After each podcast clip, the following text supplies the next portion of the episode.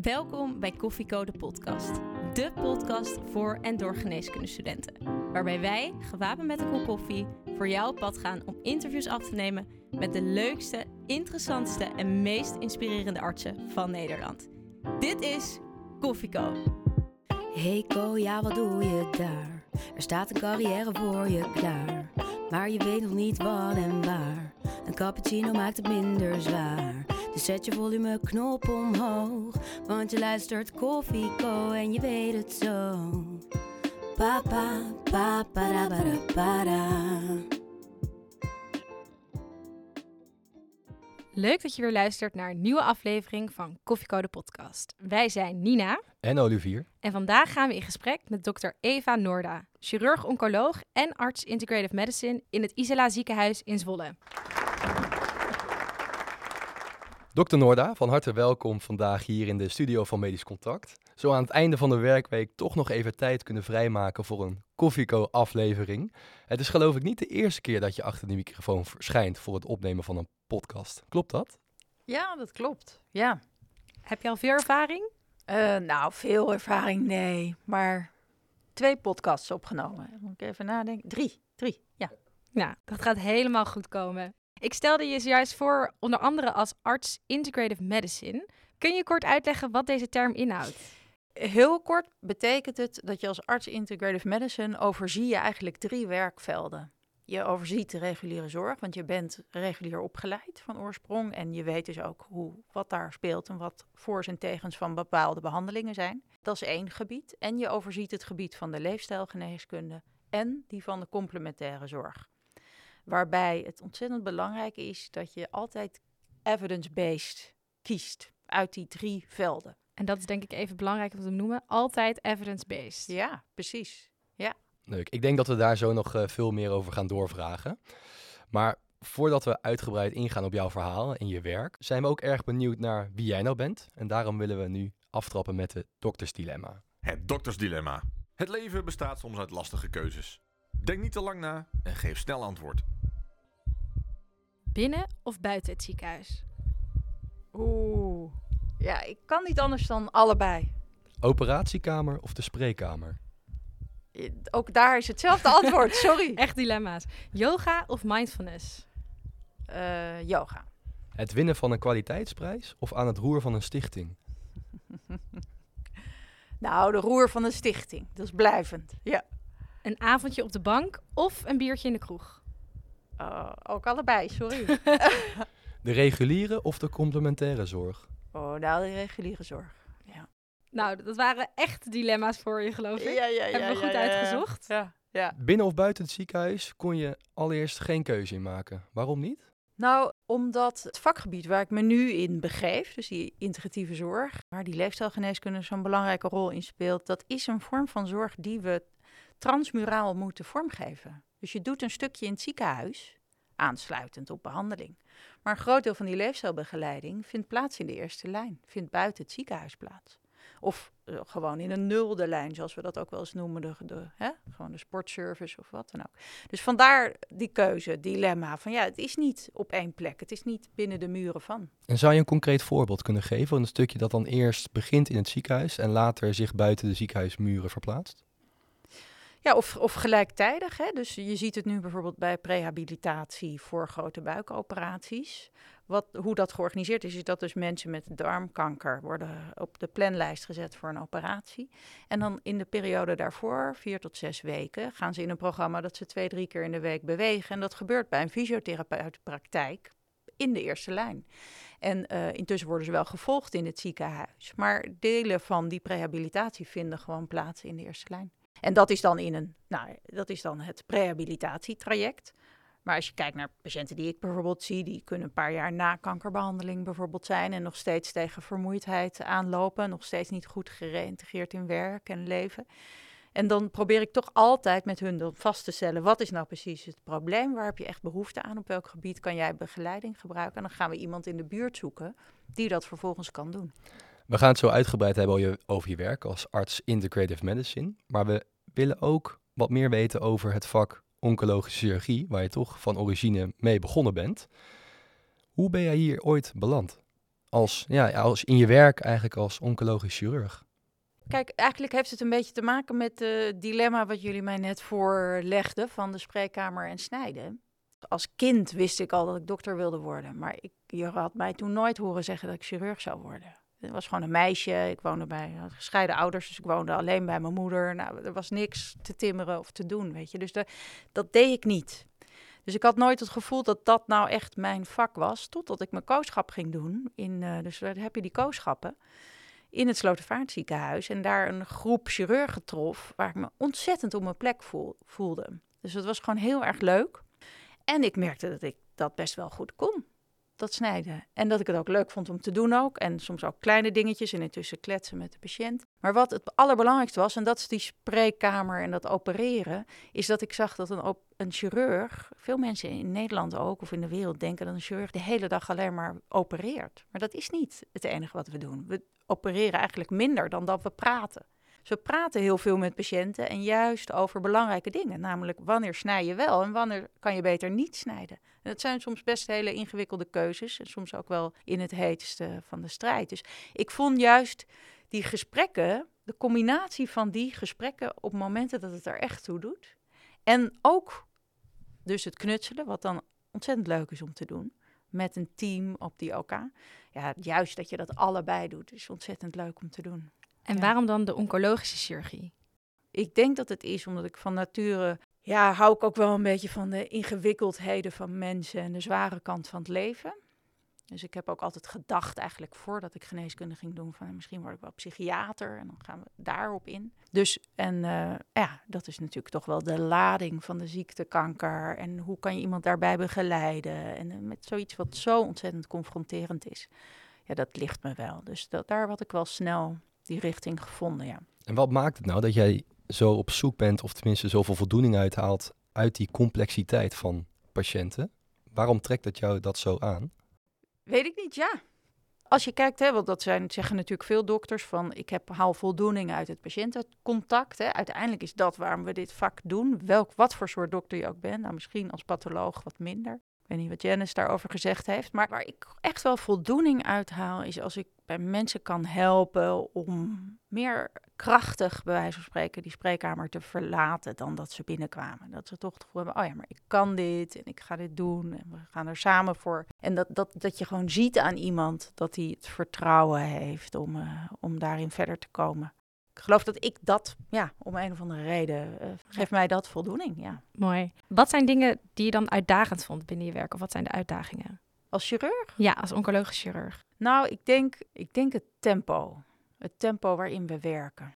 Ja, toch gewoon de hele dag poli draaien. Wij hadden dan in Isla hebben we, een, hebben we een structuur waarin je hebt overdracht. Begin je met een multidisciplinair overleg. Dat zit je voor. Vervolgens ga je spreekuur in. Dan heb je tussen de middag weer multidisciplinair overleg wat je voor zit. Ga je weer je spreekuur doen. En daarna is er altijd nog wel weer een vergadering of iets daarachteraan. En het gaat maar door.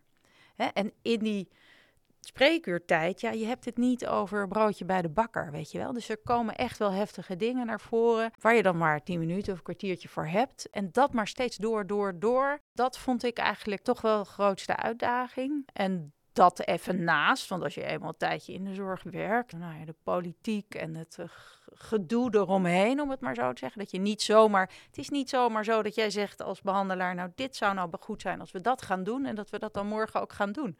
Zo werkt het helaas niet. En dat is soms ook wel ingewikkeld hoor. Dat, eh, dat vreet wel veel energie. Ja. Het zijn allemaal factoren die niet op een positieve manier bijdragen aan het uitoefenen van uw vak. Nee, nee, nee dat denk ik echt. Want naast je werk dus als chirurg, als oncologisch chirurg, ben je nu ook wat heel anders gaan doen. De integrative medicine. Hoe ben je hierbij gekomen? Kijk, als tot en met je kooschap, of eigenlijk tot en met je artsassistentschap, heb je eigenlijk geen eigen patiënten. Je ziet altijd maar de patiënten die die ander toevallig ziet, of, uh, of een spreker wat je in je schoot geworpen krijgt. En als je dan eenmaal chirurg bent, dan krijg je opeens je eigen praktijk. Dus dan ga je mensen zien en je ziet ze weer terug. En een jaar later zie je ze weer. En een jaar later zie je ze weer. En dat vond ik ontzettend leuk. En daarin merkte ik dat er heel veel patiënten, naarmate je meer band met ze hebt, aan mij vroegen: wat kan ik nou eigenlijk zelf doen? Om beter te worden. Om beter te worden. Dus om een prognose te verbeteren of om me beter te voelen. Hè? Of om te zorgen dat die nare bijwerkingen van de chemotherapie nou, zo, zo min mogelijk blijven? Is er iets wat ik daaraan kan doen? En ik merkte dat ik daar ja, eigenlijk niet zo goed antwoord op had. En toen ik dat een beetje rond ging vragen, waren eigenlijk de meeste collega's hadden er niet zo goed antwoord op. Iedereen deed een beetje zo van, nou ja, geniet er nog maar van. Of, Maar wat zei je dan tegen zo'n patiënt? Zei je dan eerlijk van, nou, ik weet het eigenlijk niet of je kan niks? Nee, nou dat weten we eigenlijk niet zo goed. Nou ja, gezond leven of, of ja, ook wel belangrijk dat je geniet van de dingen die je doet. Weet je, zo een beetje een hol antwoord. Het, je gaf ze eigenlijk een beetje niks mee op dat vlak. En ik kreeg die vraag zo vaak dat ik dacht, ja, daar moet toch een beter antwoord op zijn. En toen kwam ik op het spoor van die integrative medicine in Amerika, waar een heleboel wetenschap achter blijkt te zitten. Dus dat er wel degelijk eh, onderzoek gedaan is naar wat voor soort dieet is nou gezond. Hè? Hoe vaak moet je nou bewegen per week om ter preventie van of om klachten te verbeteren? Nou, al dat soort informatie, die is er gewoon en die leren wij niet in onze opleiding. Waarom niet? Ik denk dat het een zo geworden is dat we ons steeds meer zijn gaan richten in de geneeskunde op het oplossen van ziektes. Dat dat een beetje onze core business geworden is. En als je daar eenmaal een trucje in hebt of dat weet hoe dat moet, nou dan ga je dat de hele dag doen. En uh, we zijn dus veel minder bezig met mensen helpen om zich ook gezonder te voelen. Ervaren gezondheid.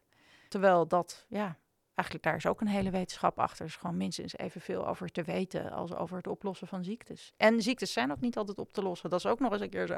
Dus je, ja, je zit heel vaak met iemand tegenover je waarvan je denkt, ja, kan wel iets doen, maar we moeten maar even kijken of het werkt. En je hebt het al een beetje kort toegelicht, maar kan je omschrijven wat integrative medicine nou precies inhoudt of wat het voor jou betekent? Voor mij betekent het dat ik breder naar die patiënt kan kijken, dus in de context waar, waarin die leeft. Hè? En um, met alle factoren in het leven van die patiënt die die gezondheid beïnvloeden. Die ook maken hoe gaat iemand om met de ziekte en hoe komt hij daar vervolgens weer uit. Dus het heeft allemaal invloed daarop. Dus ik kan breder ernaar kijken dan alleen die, die ziekte. Je zei net inderdaad dat je meer in, misschien in de beginjaren van je werk als oncologisch chirurg, dat je wel eens aanliep tegen ja, eigenlijk de vervolgstappen nadat misschien de klachten of de symptomen van de patiënt behandelde en dat het dan daar vaak bij bleef. Wat was nou echt het moment dat je dacht van ik wil eigenlijk verder dan alleen het behandelen van klachten en ik wil ook kijken van hoe kan ik nou zorgen dat de patiënt niet alleen genezen wordt van zijn ziekte, maar ook van zijn problemen die daarnaast spelen. Kan je dat moment nog herinneren? Ja, ik denk niet dat het een uh, padboom moment was. Maar ik denk wel dat het zo ongeveer was dat ik een jaar of vijf als oncologisch chirurg in Isla werkte. En dat ik ook daar mijn vaste plek verworven had. Want dat is natuurlijk ook, je bent intussen bezig en je moet ergens nog hè, je carrière maken. En op een gegeven moment dan krijg je die plek dat je daar vast mag blijven. En dan wordt het ook een beetje jouw praktijk. En toen heb ik wel op een gegeven moment bewust gedacht... Wat ga ik nou toevoegen aan de geneeskunde?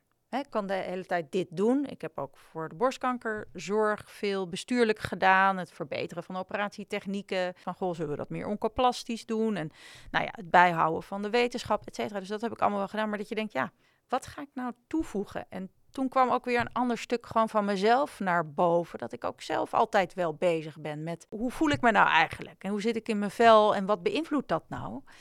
Nou, toen kreeg ik die vraag natuurlijk vaak van patiënten. Toen dacht ik, ja, daar moeten we eigenlijk wat mee. En zag je meteen voor je hoe je dit ging implementeren in je dagelijks werk? Nee, helemaal niet. Nee, dus daar had je echt lang over na moeten denken. Nou, niet over nadenken. Ik denk dat het is stap voor stap. En dat blijft het. Dat is het nu ook nog. Want dat maakt het ook makkelijker. Hè? Als je, als je zo'n enorm onderwerp op je, op je rug wil nemen, wat best nog ook wel wat consequenties heeft, ja, dan kan je niet in één keer het helemaal uitdenken. Het begint gewoon heel klein. Het begon gewoon met dat ik dacht, nou, ik ga voor mezelf die opleiding doen. En dan weet ik gewoon wat het is. En uh, nou, toen zijn we met een groepje in Isla begonnen om daarover na te denken. Zullen we er wat mee? Zullen we dat niet doen? Een paar mensen bij elkaar. En uh, nou, na een jaar met elkaar kletsen. Goed, nou, iedereen heeft er wel zin in. We gaan kijken of we die poli kunnen starten. Dus even kijken wat patiënten daarvan vinden. Dat meten we dan. Nou, patiënten zijn eigenlijk heel enthousiast. Ik vind het zelf ook wel zinvol. En zo wordt het steeds groter. En je zei het al, hè, dan gaan we de opleiding doen. Hoe, hoe, hoe word je nou arts in de creative medicine? Nou, je hebt in Amerika daar mooie programma's voor, als je dat wil. Die zijn vaak heel kostbaar. Maar in Nederland hebben we daar een, uh, die heet de Academy of Integrative Medicine. Die voorzorgt een tweejarige opleiding voor artsen. Waarin je nou ja, in twee jaar elke maand bij elkaar komt en allerlei onderwerpen daar de inhoud over leert. En dan aan het eind mag je jezelf arts integrative medicine schuine streep leefstijlarts noemen. Mhm. En ik ben wel benieuwd, hoeveel mensen zijn er momenteel werkzaam in Nederland die zich als arts integrative medicine mogen noemen? Ik weet het niet precies, maar er komen zo ongeveer 50 per jaar uit. En die opleiding bestaat nu zo bijna 10 jaar. Ja. Groeiende, ja. En zou je ons kunnen vertellen hoe een arts integrative medicine nou precies te werk gaat? Want ik denk dat dat over het geheel, tenminste bij mezelf, ik, ik heb daar niet per se een idee over. Ik denk dat in de ideale vorm, hè, dus wat ik nu doe, is nog inderdaad een soort pionieren of iets. Nou ja, ik ben de enige in mijn ziekenhuis die dat doet. Inmiddels zijn er ook twee andere trouwens die met mij die poli bemannen, dus dat is heel leuk. Maar dan heb je dus een apart gesprek met die patiënt. En dat is dan met die integrative medicine achtergrond. En wat doen we dan? We bespreken natuurlijk, ja, hoe gaat het? Waar loop je tegenaan? Wat, wat is er aan de hand? Wat is nou precies het punt waar je wat mee zou willen? En dan kijken we of er op het gebied van leefstijlgeneeskunde... Hè, een leefstijl bestaat uit zeven pijlers, want je denkt meteen voeding, beweging. Maar dat zijn niet de belangrijkste. Tenminste, ze zijn allemaal even belangrijk. Maar ontspanning of je sociale omgeving, zingeving. Wat is belangrijk voor jou in het leven? Slaap je goed? En ook emotionele gezondheid, ofwel mentale gezondheid, zijn zeven pijlers. En dan gaan we gewoon kijken met de patiënt. Dus ik laat de patiënt zelf ook kijken van, goh, zie jij nou of er ergens in een van die gebieden iets voor jou is waarvan je zegt, oh ja, daar moet ik eigenlijk echt wat mee. Want ze beïnvloeden allemaal hoe jij dealt met ja, uitdagingen in het leven, hoe, hoe, jij, hoe gezond je je voelt. Dus dat is het stuk leefstijlgeneeskunde. En achter elke pijler zit natuurlijk een hele wetenschap en kan je specifieke adviezen geven, et cetera. En zit jij dan op je poli als Eva Noorda, die chirurg-oncoloog? Als arts integrative medicine. Je hebt het dan ook niet over de ziekte zelf? Ja, ook wel. Want soms dan vragen mensen mij, nou ja, bijvoorbeeld, en dan komt dus het belang waarom het ook juist in het ziekenhuis er mag zijn, is ik krijg soms wel vrouwen met borstkanker die een hormoontherapie gebruiken en daardoor allerlei klachten hebben. En die heel erg worstelen met, ja, ik heb gewrichtsklachten, daardoor kan ik niet bewegen, ik kom aan. Dat zijn natuurlijk allemaal risicofactoren voor, nou ja, uh, niet gezond zijn laat ik het zo zeggen. Maar tegelijk wil ik die hormoonbehandeling niet stoppen, want uh, dat beïnvloedt ook mijn prognose, zegt de oncoloog. Hè? Dus, en hoe maak je nou die afweging? En hoe zorg je nou dat je naast die hormoontherapie toch weer in beweging komt? Of wordt het een zwaarder dan het ander? En dat overleg je dan natuurlijk uiteindelijk altijd met haar behandelaar. Maar dan is het wel ook belangrijk dat ik snap hoe dat zit met borstkanker en hormoontherapie en hoe dat precies werkt en waarom het belangrijk is om die hormoontherapie wel te slikken. Dat ik niet denk, nou dat moet je met je oncoloog bespreken, want die kan dat andere stuk weer niet overzien, over het algemeen. Dus het is, uh, het komt vaak in aansluiting op, dus ook mensen die zeggen, nou ik heb zo'n last van mijn darmen bij die immuuntherapie, uh, kan ik nou iets aan die darmklachten doen? En dan gaan we daar weer naar kijken, weet je, op leefstijlgebied, op voedingsgebied. Dat, dus het is een andere manier waarbij je ook uh, het goed is als je wat weet over die immuuntherapie. Welke boodschap wil je nou als arts integrative medicine uitdragen naar de rest van Nederland? Ik denk dat het eigenlijk neerkomt op wat we eerder bespraken van de ziekte behandelen is ontzettend belangrijk. Daar komen patiënten natuurlijk ook voor. Maar zie die patiënt altijd in zijn context en zie wat daar ook nog kan. Hè? Wat je daar ook nog kan bereiken om die gezondheid echt te verbeteren. Want ik zie ons altijd een beetje zoals Max Verstappen op dat circuit. Weet je, die staat daar in de pitstop en die wordt even in no time opgelapt. Vervolgens weer op het circuit gezet. En het enige wat je zeker weet is dat hij na een paar rondjes weer terug is en dat je hetzelfde weer gaat doen. En dat is waarvan ik denk, ja, kunnen we daar niet wat mee? En wat mij betreft heb je daar handvatten voor, hè, in de leefstijlgeneeskunde of breder gezien in de integrative medicine, om te helpen dat er wat meer rondjes gereden kunnen worden in, uh, in goede doen. Ja, en hoe denk jij dat algemeen Nederland nou tegen die complementaire geneeskunde aankijkt of tegen de integrative medicine? De burger of de dokter? De burger, denk ik. De burger, ja. Nou ja, zoals ik zeg, heel veel mensen gaan toch hun hel zoeken en, en oplossingen zoeken als ze die niet krijgen van een reguliere dokter. Dus die staan er wel voor open eigenlijk? Vaak wel, ja. En is dat dan anders bij dokters? Ja. Nou, dokters zijn natuurlijk bang voor het aanraden van dingen die niet bewezen effectief zijn en die misschien wel veel geld kosten. Hè? Dus dat. En daar denk ik ook dat wij daar een rol in mogen spelen om mensen juist te helpen om te kiezen wat nou wel de moeite waard is en wat nou hè, niet veilig of zinvol is. En hoe waren dan de reacties binnen jouw ziekenhuis toen jij vertelde van jouw ideeën om die integrative medicine poli eh, op te zetten? Ja, best wel positief eigenlijk. Er waren natuurlijk wel wat mensen die eh, zeiden, oh, die vinden dat dan toch spannend. En die hebben daar dan een mening over. Maar ik denk dat de verhouding zo'n beetje 90-10 is.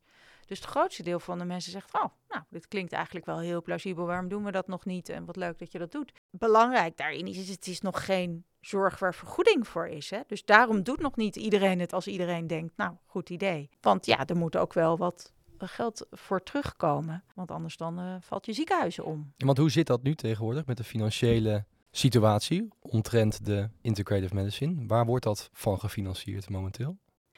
In de ziekenhuiszorg wordt dat nog niet binnen de zorgverzekeringssituatie zeg maar, gefinancierd. Nee, dus je krijgt geen geld voor een consult integrative medicine. Er zijn wel constructies te bedenken dat je het in een DBC, nou ja, uh, DBC borstkanker, erin kan verwerken. Maar daar zul je dan toch niet veel voor verdienen. Dus nee. tot nu toe is het de kosten voor de patiënt zelf? Is het de kosten voor het ziekenhuis zelf? Oké. Dus het is op dit moment echt nog de kosten gaan voor de baten uit. Dus, dus aan het ziekenhuis of ze daarin willen investeren. En hoeveel ziekenhuizen in Nederland maken nu gebruik van de integrative medicine? Drie. Er zijn drie ziekenhuizen die dit nu hebben staan, hè, voor een deel, waar wij er één van zijn. Maar er zijn veel meer ziekenhuizen die inmiddels leefstijl wat meer hè, op de voorgrond aan het, aan het zetten zijn. En dat is wel, dat merk ik ook in mijn spreekuren, uiteindelijk ook in zo'n integrative consult, komt toch heel veel op leefstijl neer. En jij doet het eigenlijk met name bij oncologische patiënten, ja. maar kan je dit betrekken tot meerdere specialismen? Ja, zeker. En wordt dat al ja. gedaan? Voor de integrative, voor zover ik weet, nog niet wel de kindergeneeskunde. Er zijn eigenlijk, als je kijkt naar sommige, ja, wat je zou zeggen, complementaire therapieën, zoals bijvoorbeeld hypnotherapie of VR-technieken, ja, die worden dan al her en der gebruikt. Sommige ziekenhuizen hebben wel ook massage op de afdeling of maken al gebruik van ademhalings technieken en zo. Dus, dus er gebeurt al wel wat. En mindfulness natuurlijk is eigenlijk op veel afdelingen of in de meeste ziekenhuizen al wel beschikbaar voor patiëntengroepen. Dus er zijn al wel wat, wat van waar, waar je zou zeggen dat is eigenlijk complementaire zorg. Is er al lang wat in de ziekenhuizen te vinden, alleen het is niet zo als zodanig gebundeld. En wat moet er nou gebeuren om die integrative medicine een, een standaard plekje toe te wijzen in het ziekenhuis? Is het dan puur een kwestie van geld? Ja, dat is wel belangrijk. Dus dat is één kant. er is bijvoorbeeld voor de leefstijl in Nederland wel onderzoek gedaan onder medisch specialisten. Van wat weet je ervan? Wat wil je ermee? En wat doe je ermee in de praktijk? En dan blijkt dat er medisch specialisten zijn die zeggen: Nou, ik vind het heel belangrijk eigenlijk dat het ook gaat over, nou, hoe kunnen we nou zorgen dat je je gezonder voelt? Hè? En dat de kans dat het weer terugkomt kleiner is, of dat je minder aanloopt tegen allerlei chronische klachten. Dus iedereen vindt dat, of een groot deel van de zorgverleners vindt het belangrijk. Laatst was een onderzoek onder oncologische zorgverlenersplek. 86% zegt: Nou, ik vind complementaire zorg eigenlijk wel belangrijk. En waarom wordt het dan niet in de praktijk altijd gebracht? Omdat men aangeeft, nou, mijn kennis schiet eigenlijk tekort. Ik weet er eigenlijk niet genoeg van om echt een goed advies te kunnen geven. Ik heb eigenlijk geen tijd voor, want in die tien minuten dat ook even allemaal exploreren is toch wel heel lastig. En dan precies de kaf van het koren, et cetera. Dus, en het wordt inderdaad niet vergoed. Dus het, dus het past gewoon niet in het systeem. En kan je misschien verklaren waarom die integrative medicine dan nu juist opkomt? Ja, het is een goede vraag. Ik denk dat het een combinatie is van, van factoren. Want er zijn al best wel mensen die al heel lang op de deur bons van dit moet een plek krijgen. Al is het al dat patiënten daar eigenlijk om vragen. Want zij vragen gewoon wat kan ik zelf doen. Tenminste, sommige patiëntengroepen in ieder geval. Maar waarom nu?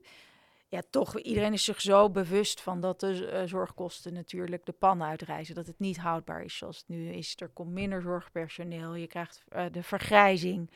Uh, COVID heeft natuurlijk wel een hele belangrijke uh, bijdrage geleverd aan de bewustwording van dat je, ja, je basisgezondheid ontzettend veel bepaalt in hoe ziekte, uh, een ziekte kan verlopen en hoe je daar weer uitkomt. Dus dat een goede basisgezondheid echt wel het investeren waard is. Dus dat besef is er veel meer. Ja.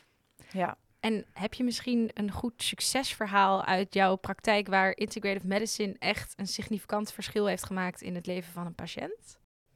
een succesverhaal vind ik lastig, want waar, eh, hè, ook, ook in de reguliere geneeskunde. eh, Hoe meet je dat? ja, en ook daarin, als je adviezen geeft of een pil voorschrijft, is het echt niet zo dat het dan per definitie overgaat of dat het dan per definitie goed gaat met die patiënt. Dus je, zo, er is ook ooit onderzoek naar gedaan dat de helft van onze reguliere zorg niet eens evidence-based is. Mhm. Dus, dat, dus, dus waar hebben we het dan over als we kijken naar integrative medicine? Waar moet dat dan helemaal dichtgetimmerd evidence-based zijn? Maar zo wordt er natuurlijk wel naar gekeken. En ik denk ook dat dat terecht is, want je wil alleen maar wat adviseren waarvan je echt weet, nou, dat Dit helpt. Dit helpt. Hè? Dus de investering waard in tijd en moeite en soms geld. Dus dat is belangrijk. Nou, succesverhaal. Wat ik heb gemerkt, ook in mijn consulten als chirurg, toen ik al wat meer met die integrative medicine deed, is dat ik regelmatig patiënten had, of regelmatig een aantal patiënten had die zeiden: Ik wil geen operatie. Ik wil geen chemotherapie. Ik wil niet bestraald worden. En als je dan even doorvroeg, ik vertrouw die hele medische wereld niet, allemaal door de farmacie geïndoctrineerd, et cetera. Dat verhaal van wantrouwen naar de reguliere dokters. Heel Zit- herkenbaar ook wel. ja, dat zie je natuurlijk wel vaker. En juist met die mensen, door er in openheid met hen over te spreken van, goh, hoe zie jij dat dan? Hoe zie je jouw gezondheid? Wat denk jij dan dat bijdraagt aan jouw gezondheid? En dat ik dan ook duidelijk kon zeggen, ja, maar weet je, die kanker die heb je nu, die is niet zomaar met iets anders weg te krijgen. Je hebt echt ook wel die reguliere zorg nodig, maar we kunnen wel nog een heel palet uit de kast trekken om te kijken, hoe halen, krijgen we jou daar nou zo goed mogelijk doorheen? Wat zijn nou de dingen die je zelf kan doen? En zodat je wel zelf wat meer controle houdt over je eigen gezondheid. Want ze voelen zich vaak zo overgeleverd aan alles en ook wordt ziek gemaakt, et cetera. En ik heb in een aantal gevallen gehad dat mensen dus af wilden zien van reguliere zorg. Mhm. En dat dus uiteindelijk niet deden. Dus toch wel geopereerd werden. Toch wel voor de chemotherapie zijn gegaan. Toch wel bestraald zijn. Ja. Dus het mes snijdt wat dat betreft aan twee kanten. En dat komt dan vanuit een gesprek waarin je erkent dat iemand ook echt wel anders naar deze zaak mag kijken. Hè? En dat je samen kijkt, nou ja, wat kunnen we er dan wel mee doen wat passend is voor jou in alle realiteit. Hè? Dus met alle informatie die ik je kan geven. Dus integrative medicine staat wel achter de behandelingen uit de re- reguliere zorg. Zeker. Zeker. En, en wat zijn nou veel voorkomende klachten waar patiënten bij jou mee komen? En die jij dan ook vervolgens behandelt vanuit je professie van arts integrative medicine? Nou, veel mensen komen bij mij die eigenlijk een aantal redenen waarom ze bij mij komen. Klachten waarmee ze tegenaan lopen zijn veel toch vermoeidheid. Ook ja, toch emotioneel. Wel van daar, er zit iets. Ik, ik, ik, ik weet gewoon niet goed om te gaan met dat ik nu net die kankerbehandeling heb gehad. En, hoe krijg ik mijn leven nou weer op de rit? En ik vind dingen lastig en het lukt me niet goed. En nou, dat, dat soort hè, eh, nieuw houvast vinden daarin. Nou goed, dat zal elke dokter ook wel vaker hebben gezien, dat dat is wat er gebeurt. Dus soms is het ook vooral erkenning daarvan. En dan zeggen, oké, waar kan jij weer grip krijgen op je leven? Dus vermoeidheid, dat is het, dat gebrek aan houvast. En nou ja, zoals we ook weten vanuit de waardegedreven zorg, eh, heel veel patiëntgerapporteerde uitkomsten hebben te maken met kwaliteit van leven, hebben bijvoorbeeld te maken met gebrek aan intimiteit, niet op een nieuwe manier mee om kunnen gaan. Dus, maar ook ja, fysiek functioneren, weer werken, je rol als in je familie, als moeder, als hè, familielid weer opnemen in de maatschappij. Het heeft op al die vlakken eh, heeft het meestal te maken. Dus het is heel breed. En is er iets wat jij patiënten soms adviseert waar ze in eerste instantie misschien wat terughoudend over zijn of misschien toch denken van hmm, is dit wel de ja is het niet alternatief en Ja. dat het dan toch evidence-based is? Nee, dus zo ver ga je meestal helemaal niet. Nee, en ik moet ook zeggen, ik heb daar ook weinig van in mijn gereedschapskist, waarvan ik zelf denk dat ik dat zou willen adviseren. Kijk, waar we heel vaak op uitkomen, ik kan je zeggen dat 9 van de 10 keer komt iemand bij mij met een klacht of een vraag over supplementen of voeding. Eigenlijk dat zijn dingen waar mensen vaak mee binnenkomen. En ze gaan de deur uit met een advies op het gebied van ontspanning en zingeving. Dat is eigenlijk hoe het heel vaak gaat omdat er ligt vaak iets onder en dat heeft veel meer te maken van ik probeer alles te controleren met wat ik eet en de pillen die ik slik, want dan komt het tenminste allemaal goed. Nee, kan je leven met de onzekere situatie. Dus dat heeft veel meer te maken, kunnen mensen weer ontspannen. En dat heeft dan meer En- te maken met yoga en de mindfulness die we al eerder benoemden. Dat kan daarbij helpen. En stel, ik zou een patiënt zijn die behoefte heeft aan een arts integrative medicine. Ja. Hoe, hoe vind ik jullie? En, en hoe zal mijn zorgtraject eruit zien? Ja, voor nu is het natuurlijk nog beperkt waar het wordt geboden. Hè. Dus ik weet, zowel in Rijnstaten als bij mij zijn ook patiënten van buiten het ziekenhuis welkom. Ik krijg ook patiënten die zelf de weg dan naar je vinden. Heb je een verwijzing nodig? Nou, zolang het niet vergoed is, heb je dat niet strikt genomen niet nodig. Ik hoef het aan niemand te laten zien, maar het is wel goed als ik weet de medische achtergrond ken. De co-telefoon.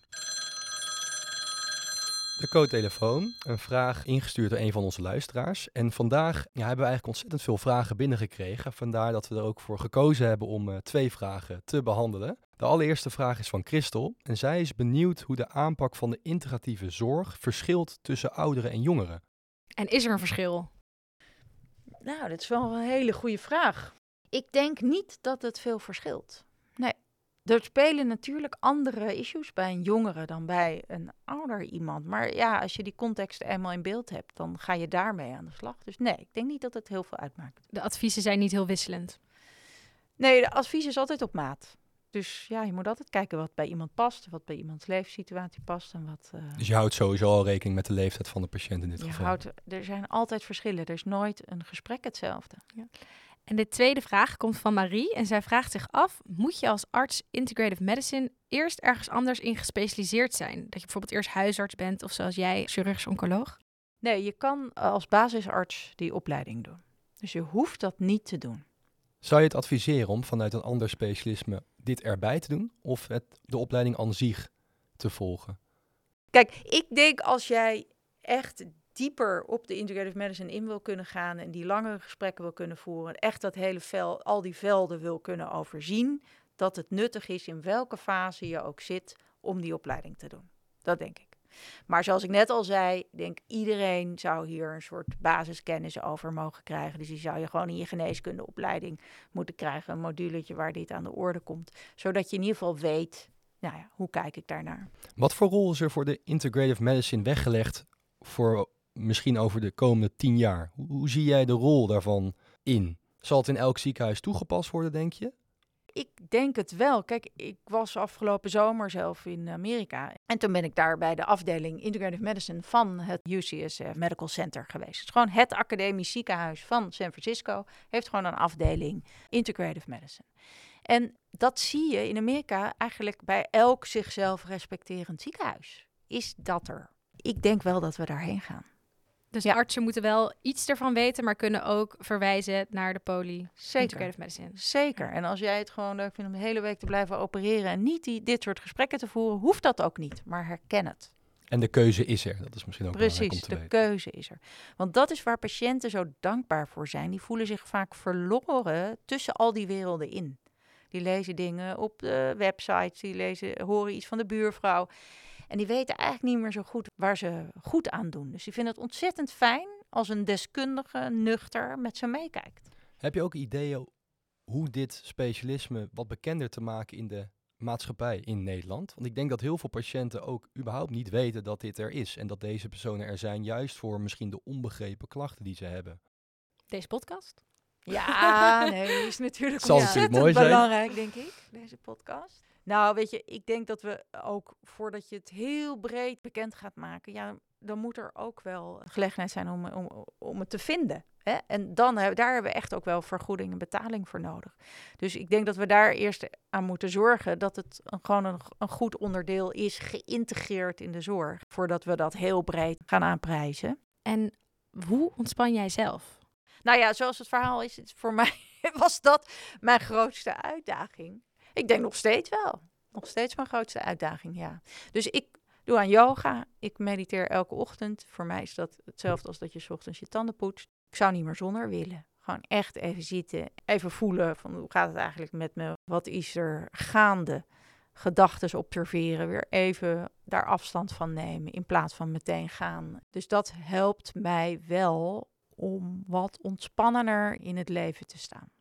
We sluiten altijd af met een laatste tip voor onze luisteraars. Nou, je hebt al mooi advies meegegeven, maar heb je nog een tip voor de dokters van de toekomst? We hebben het altijd over pluis-niet-pluisgevoel hè, in het doktersvak. En ik zou je de tip willen geven, ook je eigen pluis-niet-pluisgevoel over wat voor jou belangrijk is in het leven. Blijf daar goed naar luisteren. Hele mooie tip. Nou, dokter Noorda, heel erg leuk dat je vandaag eh, bij ons te gast wilde zijn en ons, ja, en hopelijk de luisteraars ook, maar dat denk ik wel, veel hebt bijgebracht over de integrative medicine en hetgeen waar jij je mee bezighoudt.